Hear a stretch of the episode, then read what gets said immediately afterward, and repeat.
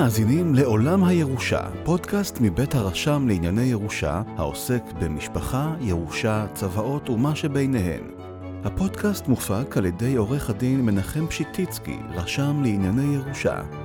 התוכן נועד לידע כללי ולהעשרה בלבד, ואינו מהווה תחליף לייעוץ משפטי. האזנה מהנה ומועילה. מאזינים יקרים, אתם איתנו היום בחלק השני של הנושא הפרקטי והחשוב, משפט בינלאומי פרטי ודיני הירושה. ואיתי באולפן, פרופסור סיליה וסרשטיין פסברג, שנציג בפניה דוגמאות שונות של חוות דעת הדין הזר במספר מדינות בעולם. הייתי שמחה אם היינו עוברים טיפה על אה, כל מיני אה, שיטות משפט, הייתי קוראת לזה זרות. כן. אה, ונתחיל בקנדה. נגיד כן. שיש לנו יהודי, תושב קנדה, נפטר בקנדה כשהוא מותיר אחריו שלוש דירות בירושלים. הוא לא כתב צוואה, וגם לצורך העניין בואי נניח שהוא היה אדם ערירי, ללא בת זוג, ללא ילדים כמו שציינתי, ללא קרובי משפחה רחוקים יותר, אבל כן אנחנו יודעים שהוא השאיר אחריו נכסים בישראל. מה אומר הדין הקנדי? אז um, אני, אני סומכת עליכם בעניין הזה. אתם אמרתם לי שאדם כזה, לפי הדין הקנדי, הרכוש, היורש היא המדינה, קנ, קנדה. עכשיו אני רק רוצה להבחין פה בין שני מצבים. מצב אחד הוא כאשר באמת בדיני הירושה כתוב כמו אצלנו בסעיף 17 לחוק הירושה שהמדינה יורשת כשאין יורשים אחרים. Mm-hmm. במצב הזה uh, אין לנו בעיה אנחנו מוכנים להכיל את ההוראה הזאת כאילו היה מדובר בהוראה ביחס ליורש בשר ודם mm-hmm. ואני מפנה פה לסעיף 144 לחוק mm-hmm. שקובע שדין חוץ המקנה זכויות ירושה על פי דין למי שאיננו קרוב למריש, למוריש קרבת דם או קרבה של נישואין חיתון או אימוץ אין נזקקים לו אלא במידה שאותו דין חוץ מכיר בזכויות ירושה המוקנות בדין ישראל. כלומר, אה, תנאי אחד שמוצמד להעברה כזאת הוא שאותה מדינה מוכנה להכיר גם בזכות הירושה של המדינה אצלנו מכוח סעיף 17. מה שאנחנו קוראים למעשה עיקרון ההדדיות. בדיוק, בדיוק. Mm-hmm. אם הם לא מכירים, אז אנחנו גם לא נכיר. אבל אני רוצה רק להזכיר אפשרות אחת, והיא שאין בדין הזר הוראה בעניין ירושה אבל בדין הזר נאמר שכאשר אין יורשים, הנכסים הופכים הפקר. Mm-hmm. עכשיו במצב הזה, ו- ובאותה מדינה זרה, דיני ההפקר מקנים למדינה זכות. עכשיו זאת לא זכות שאנחנו נאכוף או נכיר בה. נכון. כן, אנחנו, uh, להפך, אם יש נכס בישראל אה, של אדם כזה שיורש, שהיורשת היא המדינה, אנחנו נכריז על המדינה הזרה כיורשת. אבל אם הנכס הזה בישראל נהיה הפקר לפי דין המדינה הזרה, אז חלים על הנכס הזה דיני ישראל ביחס להפקר. אפשר לומר אולי שיורשיו הם בלתי ידועים ולכן האפוטרופוס הכללי ייקח את הנכס, ינהל אותו למעשה למען אותם יורשים בלתי ידועים? שזה לא כן. בדיוק הפקר. Uh, זאת אומרת, אני שואלת את זה בהיבט הזה, כי באמת כן. מדינת ישראל כן. זקוקה, כן. או ככה לפי הדין, הוראות הדין כן. הכללי, לאיזושהי אמירה פוזיטיבית שאין לאותו אדם קרובי משפחה. כן. בדרך כלל זה קשה מאוד להוכיח כן. את הדבר הזה, ולכן האפוטרופוס הכללי נכון. לוקח... במצב הזה נכון, אבל אם יש, נניח שיש מצב שבו יש ראיות שאין לו, mm-hmm. לו יורשים, mm-hmm.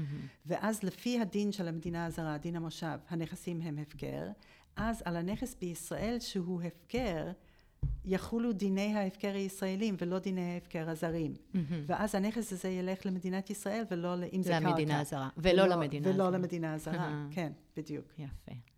נדמה גם שהערכאות בישראל לא תמיד יכבדו את הדין הזר.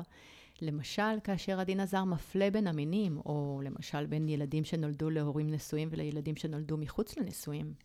כן, את uh, מכוונת פה לסעיף 143 לחוק הירושה, נכון. uh, שעוסק בחריג מאוד. מקובל בברירת הדין, שנקרא תקנת הציבור. אנחנו לא נכיל דין זר uh, שנוגד את תקנת הציבור שלנו. בסעיף 143 לחוק הירושה נאמר uh, אין נזקקים לדין זר, uh, במידה שהוא מפלה מטעמי גזע, דת, מין או לאום, או סותר תקנת הציבור mm-hmm. בישראל.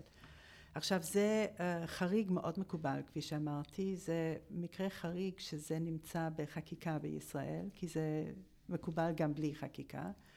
Um, אני רק אומר שאין כמעט תיק במשפט בינלאומי פרטי שבו מישהו לא מעלה טענה של ניגוד לתקנת הציבור ואין כמעט תיק כמעט uh, שבו הטענה הזאת מתקבלת.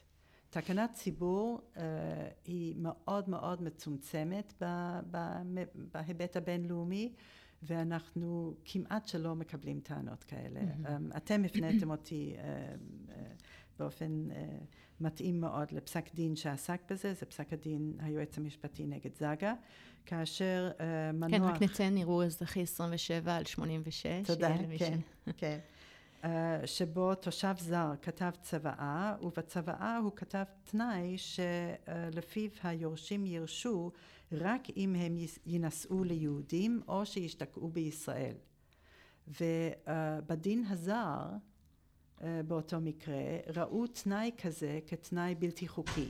כלומר, תנאים ש, שמגבילים את החירות של אדם להתחתן mm-hmm, או לעשות נכון. עם חייו מה שהוא רוצה, רואים אותם כתנאים בלתי חוקיים. ונשאלה השאלה אם ההוראה הזרה הזאת שהופכת את התנאי הזה לבלתי חוקי, היא נוגדת את תקנת הציבור. הציבור. נכון. ובית המשפט אמר, לא, אצלנו העיקרון הוא א', אה, חופש הצוואה, אדם יכול לעשות מה שהוא רוצה, אבל אם הדין הזר מגביל, זה הדין שקובע את מה שהוא יכול לעשות. ואין מניעה להכיל אותו ואין למעשה. ואין מניעה להכיל אותו, בדיוק. נכון מאוד. ניקח אה, דוגמה של אדם, תושב בלגיה ואזרח מדינה אחרת, נגיד איטליה. הוא הותיר אחריו נכסים בישראל.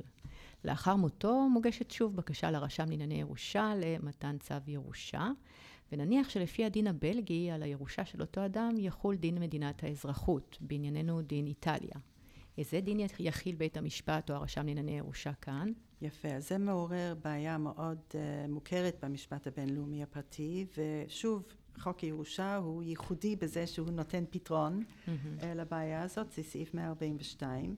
והוא אומר שבמצבים שבהם הדין שאליו הופנינו, דין בלגיה, מפנה הלאה לדין אחר, דין זר אחר, איטליה לצורך העניין, mm-hmm. אנחנו לא נקבל את ההפניה הזאת, אלא נכיל את דין בלגיה הפנימי. למרות שדין בלגיה לא, במרכאות, לא רוצה לחול. נכון. כן? הוא לא כוון למצבים האלה, אבל אנחנו נכיל אותו, כי אנחנו לא אה, עוקבים אחר לא כללי ברירת הדין. לא נזדקק להפניה נוספת, כן. של... אבל אותו סעיף אומר שאם לעומת זאת ההפניה בנסיבות העניין היא חזרה לישראל, נניח למשל שהאיש הזה היה אזרח ישראלי, mm-hmm. אז היינו אז כן מקבלים כן את ההפניה. נכון. כן. וזה פתרון אה, לא נפוץ לבעיה המיוחדת הזאת. שכשמפנים הלאה לא מקבלים, אבל כשמפנים חזרה כן מקבלים. זה פתרון מעניין של המשפט הישראלי, ויש כן. בו רציונל, אני חייבת לומר. יש בו רציונל, כן, הוא מקל, הוא מקל, מפשט. בדיוק, כן, וגם כן. מכיל בסוף את מדינת, את, את ההוראות של, ישראל, נכון, כן, נכון. של המדינה שלנו. אה, דוגמה נוספת, אזרח תושב מדינה החברה ב-EEC, European Economic Community. הלך לעולמו כשהוא מותיר אחריו אה, נכסים בישראל וחשבון בנק במדינה שבה הוא תושב. נגיד גם שהוא ערך צבא בישראל בעברית, ולאחר מספר שנים הוא ערך צבא נוספת בארץ, במדינה, שלמעשה הוא היה תושב בה, בשפת המקום. הצוואות נוסחו באופן קצת שונה, בשפות אחרות, אבל לגבי הנכסים בישראל המשמעות היא זהה. לפיה כל הנכסים בישראל יועברו לאותו יורש שהוא הצאצא היחיד של המוריש, נגיד שהוא נפטר לצורך העניין גרוש. גם המוריש וגם היורש הם אינם אזרחי ישראל. אמרנו המוריש הוא אזרח ב-EEC והיורש אזרח ארצות הברית. עכשיו השאלה, האם ניתן להגיש את הצבא הישראלית או חייבים לאשר את הצבא המאוחרת מארץ התושבות ורק אותה להגיש לרשם?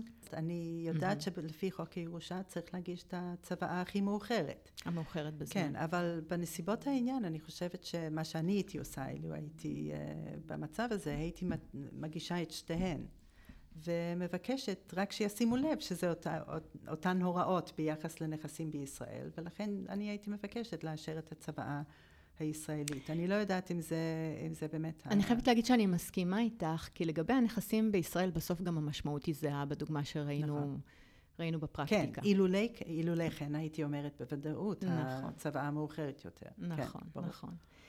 רוסיה, יש לנו נגיד תיק שיש בו צוואה של תושב רוסיה, כעשור לפני פטירתו ביקר בארץ ובישראל, ובה הוא ערך צוואה בכתב יד ברוסית, וגם חתם את שמו ותאריך עריכתה, כלומר היא כשרה לפי חוק הירושה כצוואה בכתב יד. כשהוא מורה על העברת דירתו, נניח הייתה בחיפה, לאחיו ולאשתו, בחלקים שווים. הזוכים על פי הצוואה הם אזרחים ישראלים, הם הגישו בקשה לצו קיום צוואה לרשם בחיפה, וצירפו כנדרש חוות הדעת הדין הזר של הפדרציה הרוסית. מה הדין הרוסי אומר בנסיבות הללו? אז ככה, קודם כל צריך ללכת uh, לפי סעיף 137, כפי שרמזת, לדין רוסיה. והעצה שלי תמיד למי שעוסק בענייני ירושה זה קודם ללכת לכללי ברירת הדין.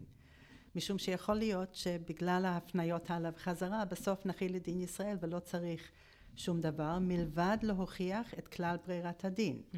זה מאוד מפשט ומוזיל את uh, חוות הדעת. אז אנחנו מפנים לדין, אנחנו מגיעים לדין רוסיה, ובדין רוסיה אנחנו רואים כלל ברירת דין שמפנה חזרה לישראל כי מדובר בקרקע. בדיוק. כלומר, על מקרקעין יהיה דין מקום הימצאם, כן. כמו שאת אומרת. ו- וחשוב להבין שזה חל גם ביחס לתוקף הצוואה. כן? כלומר, אה, אנחנו נלך אחר כך לדין, אנחנו בדין ישראל, זה סעיף 19, אנחנו אה, נכשיר את הצוואה אה, לפי סעיף 19. אבל uh, מעניין לשים לב שגם אילולי כלל ברירת הדין הרוסי, גם אילו ברוסיה היו מכילים את דין רוסיה, הרי יש לנו סעיף 140, וסעיף mm-hmm. 140 שעוסק בצורת הצוואה, גם אם דין רוסיה לא היה לא מכשיר, מכיר, אנחנו לצורך השאר ישראל היינו מכשירים. מצוין. כן. Uh, נשאר ברוסיה, הפעם נדבר על מקרה שיש לנו ירושה על פי דין, כלומר המקרה שבו המנוח לא הותיר צוואה אחריו. אה, נגיד שיש לנו מנוח שנפטר אה, ברוסיה, הותיר אה, אחריו שלושה ילדים, כאשר במקרה הזה אחד מהילדים הסתלק מהעיזבון והשניים האחרים ביקשו לרשת את העיזבון. מה הדין במקרה הזה? אז שוב, סעיף 137 מפנה אותנו לדין רוסיה. כלל ברירת הדין הוא ש... שם הוא שחל דין המושב, לכן אנחנו נשארים בדין רוסיה. ואנחנו מוצאים שם, לפי חוות הדעת שסיפקתם לי, שכללי הירושה על פי דין שם שונים מאשר שלנו, והורי המוריש נכללים בפרנטלה הראשונה. Mm-hmm. אז אה, השאלה האם אנחנו נכיל את זה, התשובה היא כן. Um, אבל במקרה הזה uh, ההורים נפטרו ובן הזוג נפטר לפני כן ולכן uh, בסופו של דבר התוצאה תהיה כמו התוצאה לפי דין ישראל. צריך רק להוסיף כאן שני דברים. אחד זה שאני um, מניחה פה שבן הזוג וההורים לא הניחו uh, יורשים משל עצמם כי. אם הם הניחו יורשים אז גם כמו בדין שלנו, גם בדין הרוסי, הם ייכנסו כנראה ל... uh, לתמונה כיורשים uh, בחלק מסוים. וצריך לציין גם שהאפשרות של הסתלקות במקרה הזה, גם היא כפופה לדין רוסיה.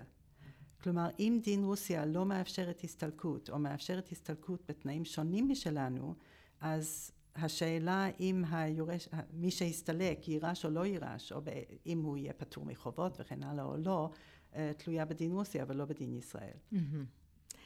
ונעבור לדרום אפריקה.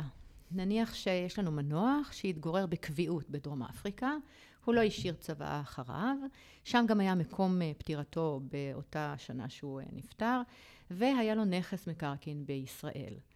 אה, הוא היה אלמן והשאיר שני ילדים, מה הדין שיחול במקרה הזה?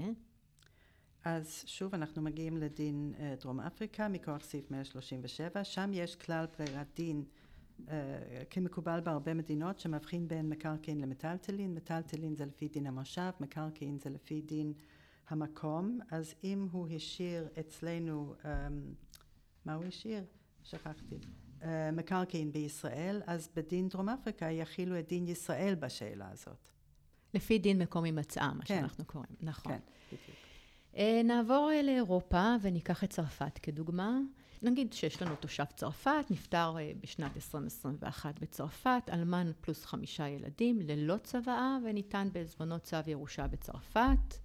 אה, נניח שיש לנו דירה בחשבון בנק בישראל, זאת אומרת גם מקרקעין וגם מטלטלין.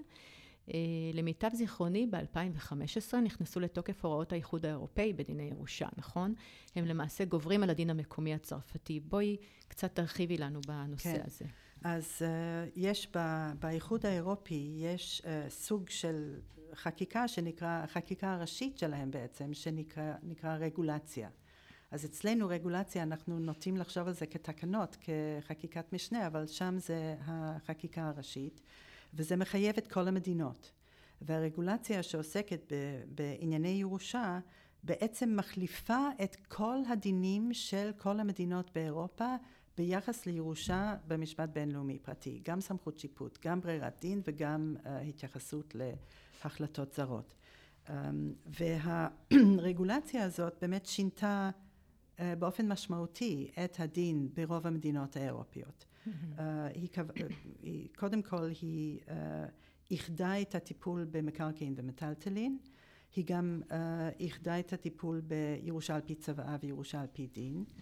והיא גם נטשה את הזיקה, את זיקת, ה, את, את כלל ברירת הדין המסורתי שהפנה לדין האזרחות ואימצה את הכלל של דין מקום המגור, מגורי הקבע של המנוח. על הכל. ולכן אם גם חלה... על מטלטלין וגם על מקרקעין. וזה לא חשוב איפה הם נמצאים. Mm-hmm. ולכן אם uh, לפי הרגולציה, אדם שהוא, um, שהעיזבון שלו כפוף לרגולציה, כל נכסיו, בלי קשר למקום הימצאם, בלי קשר לאופן ההעברה, צוואה או לא צוואה, יעברו לפי דין מקום מגורי הקבע של המנוח בעת המוות. למעשה לפי דין מקום המושב של אותו אדם. זה דומה כש... למקום המושב. כן, כן, כשאנחנו בעצם לא מבחינים, כמו שאת מציינת, בין מקרקעין למטלטלין, ולא נדרשים, למשל, לדין אה, ישראל במקרה הזה. בדיוק. כן. אנגליה, נניח שיש לנו אדם שהלך לעולמו באנגליה, כשמקום אה, המושב, הקבע שלו בטרם פטירתו הוא באמת באנגליה, והוא הותיר אחריו בת זוג וילדים, ואשתו וילדיו נפטרו נניח אחריו. עכשיו אני רוצה לציין בצורה ספציפית את השנה, משום שיש לה במקרה הזה באמת אה, חשיבות. נניח שהוא נפטר בשנת 1954, כשהוא הותיר בעזבונו קרקע בישראל מסוג מירי, שכולנו יודעים שזה שריד מהשלטון העות'מאני. לפיו הבעלות בקרקעות מסוג זה נמצאת למעשה בידי המדינה, והקרקע מושכרת לטווח ארוך, חכירה לאנשים פרטיים, לצורך אה, שימוש חקלאי אה, בלבד. עכשיו, אנחנו לא יודעים באותו מקרה אם פיליפ השאיר אחריו צוואה, אותו אה, מנוח אה, שנפטר באנגליה, אבל מאחר והקרקע היא מסוג מירי, והמנוח נפטר לפני כניסת חוק הירושה לתוקף ב-1965, הרי שתחול פקודת הירושה, ולפיה לא ניתן להעביר נכס שכזה באמצעות צוואה, אלא רק באמצעות הורשה של צו ירושה. מה הדין לגבי הנכסים האלה בישראל? Um, אז שוב, אנחנו מכוח סעיף 137 מגיעים לאנגליה. אנגליה יש בה כללי ברירת דין שבענייני קרקע מחזירים לדין מקום הימצאם שזה לישראל. ישראל. לכן חל, uh, אנחנו נכנסים לחוק הירושה, מוצאים שם סעיף 157 שקובע שמי שמת לפני תחילת החוק יחול עליו הדין הקודם. שזה הדין פקודת הירושה. שזה פקודת הירושה. נכון. ובפקודת הירושה נקבע שהורשה של אדמת מירי תיקבע לפי החוק העות'מאני, mm-hmm. בלי קשר לקיום צוואה או היעדר צוואה, והחוק העות'מאני קבע שאשת המנוח תקבל, או אלמנה של מנוח מקבלת רבע, ושאר הילדים יקבלו את היתרה, שלושת רבעי. כלומר, mm-hmm. זו חלוקה שונה מהחלוקה נכון, לפי פקודת הירושה. כן. אז נעבור uh, לבלגיה, כן. שכאן במקרה הזה יש לנו מנוח, uh, שנפטר uh, בבלגיה, מקום מושבו, uh, שנה לאחר פטירתה של אשתו. זאת אומרת, הוא נפטר אלמן והותיר אחריו שני בנים ללא צוואה, כשהיה לו נדל"ן ומטלטלין. ונשאלת השאלה כיצד תחולק הירושה לפי החוק הבלגי. Um, אז שוב, אנחנו uh, בעצם בהקשר האירופי... בואי נסיים מנקודת הנחה, דרך אגב, אפרופו ההקשר האירופי, כן. שהוא נפטר אחרי כן. uh, בעצם 2015. בדיוק. שזה... אז הנה, גם בלגיה היא חברה באיחוד האירופי, ולכן גם אצלה חלה הרגולציה. ולכן אה, הם, אנחנו נכיל, אה, או הם יכילו, אבל אם אנחנו נדון בזה, גם אנחנו נכיל את דין מקום מגוריו הקבוע של המנוח, שהוא אה, דין בלגיה. ואם לפי הדין הזה הכל מתחלק באופן שווה בין הצאצאים, אז כך אנחנו ננהג. למעשה, מאחר והוא נפטר, מאחר והנחנו שהוא נפטר אחרי 2015, אז יחולו כבר תקנות האיחוד כן. האירופאי, שלזה את מכוונת. כן. אותה רגולציה, נכון? כן. ואין לנו הבחנה בין מקרקעין למטלטלין אה, יפה, בדוגמה בדיוק. הזו. כן. אה, הולנד, כדי להכיר את דיני הירושה בהולנד, אה, בואי נזכיר למאזינים היקרים את בע"מ 594 על 04, מעשה שהיה כך היה. יש לנו יהודייה תושבת הולנד, הגיעה לישראל לחופשה, במהלכה היא ערכה צוואה שבה היא הורישה את רכושה בישראל לשתיים בלבד מתוך שלוש אה, בנותיה. מדוע היא עשתה זו? היחסים עם הבת השלישית כנראה לא היו טובים, והיא רצתה לתת ביטוי אה, ליחסים האחורים עם הבת, כאמור גם אה, בצוואה. כשנה וחצי לאחר כתיבת הצוואה היא נפטרה בהולנד. וזמן מה לאחר מכן פנתה אחת משתי הבנות שזכו על פי אותה צוואה לבית המשפט לענייני משפחה בישראל, בבקשה לקיים את, הצ... את הצוואה. ומה פסק בית המשפט בעניין זה? היו שלוש ערכאות uh, שדנו בתיק, כאשר ההחלטה התהפכה בכל פעם, וההחלטה הסופית הייתה כמובן של בית המשפט העליון. כן, אז לפני שנתחיל אני רק רוצה לציין שמקום הפטירה אף פעם לא חשוב. אין, אין לו שום חשיבות, זה מעניין מבחינת הסיפור, אבל אין לו שום חשיבות משפטית. Um, עכשיו, בעניין הזה, האישה uh, ערכה את הצוואה בישראל. אז שוב, אנחנו מכוח סעיף 137, עוד פעם אנחנו um, עוברים לדין המושב, וצריך uh, להוכיח את דין המושב שהוא דין הולנד. Um, והבת שביקשה את צו הירושה הוכיחה ש, uh, שלפי הדין ההולנדי יש מה שנקרא שריון. שריון זה מצב שבו uh, מצווה איננו חופשי לצוות את כל רכושו כרצונו. Mm-hmm. ולכן בנסיבות העניין הזה, לפי דין הולנד, היא, המנוחה לא הייתה יכולה, לא הייתה חופשית uh, לצוות את רכושה רק לשתיים מבנותיה, והצוואה לפי דין הולנד בטלה, או צריך לחלק לשלושתן. Um, הוגש ערעור פה, כי uh, בבירור האחות, שתי האחיות שביקשו את צו הירושה לא היו מרוצות, ובבית המשפט המחוזי הם טענו שצריך um, לכבד את רצון המת, וצריך להתייחס לסעיף 137 כאל הוראה דיספוזיטיבית. כלומר, אם אפשר לראות שהמצווה רצה שיחול דין אחר על הירושה, לרבות הצוואה, צריך um, לקבל את זה, ובית המשפט המחוזי קיבל את העמדה הזאת וקבע שבהתאם לצוואה צריך לחלק את הירושה, את העיזבון בין שתי הבנות uh, שצוינו בצוואה. הבת השלישית ערערה לבית המשפט העליון ויצא פסק דין מאוד חשוב בעניין הזה כי הוא עוסק לא רק בכללי ברירת דין בירושה אלא כללי ברירת דין בכלל וקבע שהשופט ריבלין כתב פה שה... Um, הוראות ברירת דין אינן דיספוזיטיביות, הן קוגנטיות. הן מבטאות את העמדה של המדינה ביחס לשאלה איזו מדינה צריכה לשלוט באירוע שלפני בית המשפט. ולא ניתן להתנות עליה. ולא ניתן להתנות עליה. עכשיו זה מעניין משום שדווקא באירופה היום, ברגולציה החדשה, יש אפשרות, יש אפשרות לבחור להתנות. בדין, אה, יש אפשרות לבחור בדין אחד שהוא דין האזרחות. Mm-hmm. שהוא יחול במקום דין מקום המגורים. בחירת המנוח. הקבועים. המנוח יכול לקבוע מראש. זאת אומרת, מראש, אפשר להתנות היום, כמו שאת אומרת. אבל ול... התנאה מוגבלת. התנאה מוגבלת. כן. Mm-hmm. אבל אצלנו uh, קבעו בבית המשפט שאי אפשר, ושהשריון הזה שמחייב את המצווה לתת חלק לכל אחד מהצאצאים הוא לא נוגד את תקנת הציבור mm-hmm. ולכן uh, היה צריך לחלק את העיזבון בין שלוש הבנות.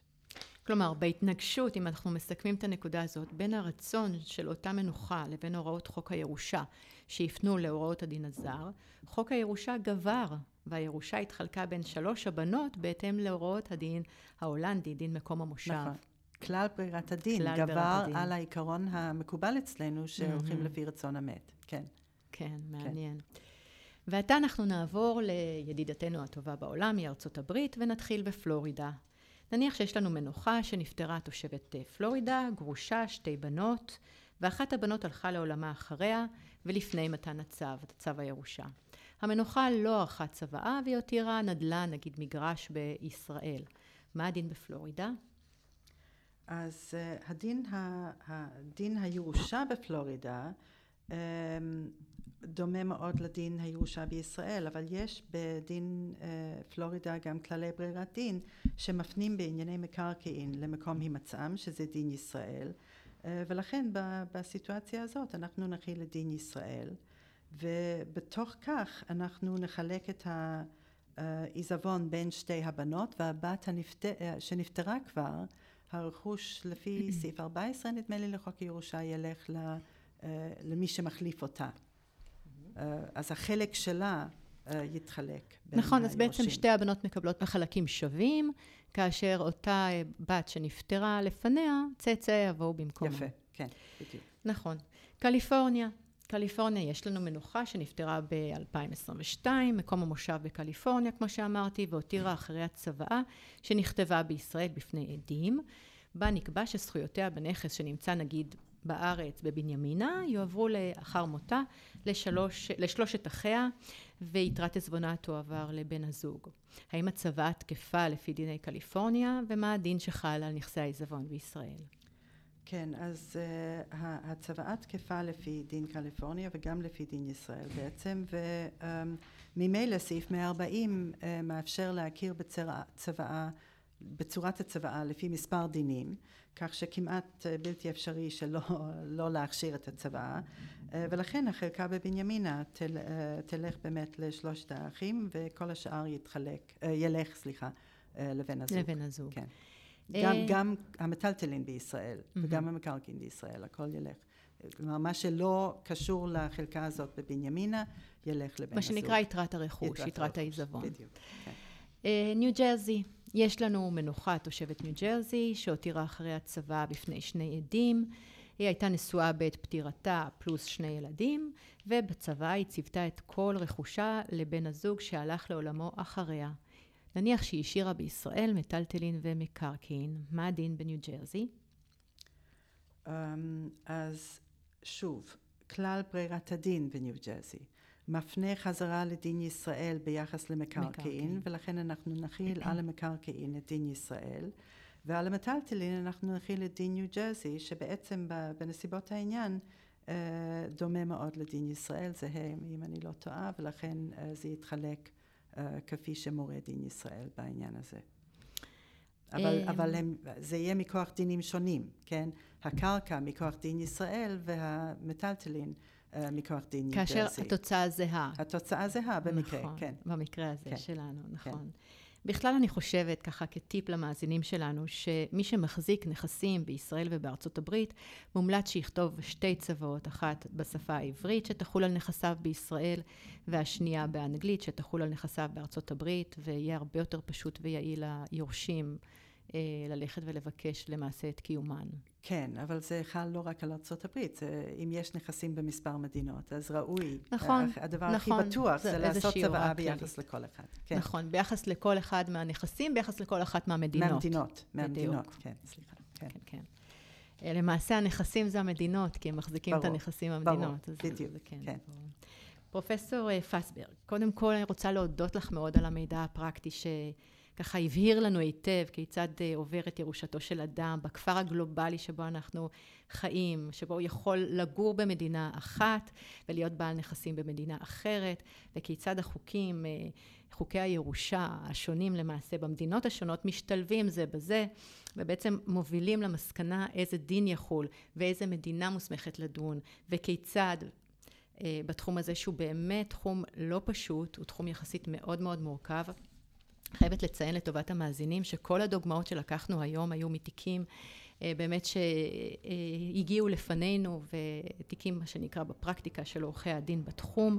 אז תודה רבה קודם כל אה, תודה על, על, על כך שהשתתפת ותרמת לנו מהמידע הבאמת חשוב הזה. ולכם המאזינים אני רוצה להודות על שהייתם איתנו בפרק זה ונתראה בפרקים הבאים. תודה שהייתם איתנו בעוד פרק של עולם הירושה, פודקאסט מבית הרשם לענייני ירושה, העוסק במשפחה, ירושה, צוואות ומה שביניהם. אתם מוזמנים להאזין לנו בכל אפליקציית פודקאסטים שאתם אוהבים. להתראות בפרקים הבאים.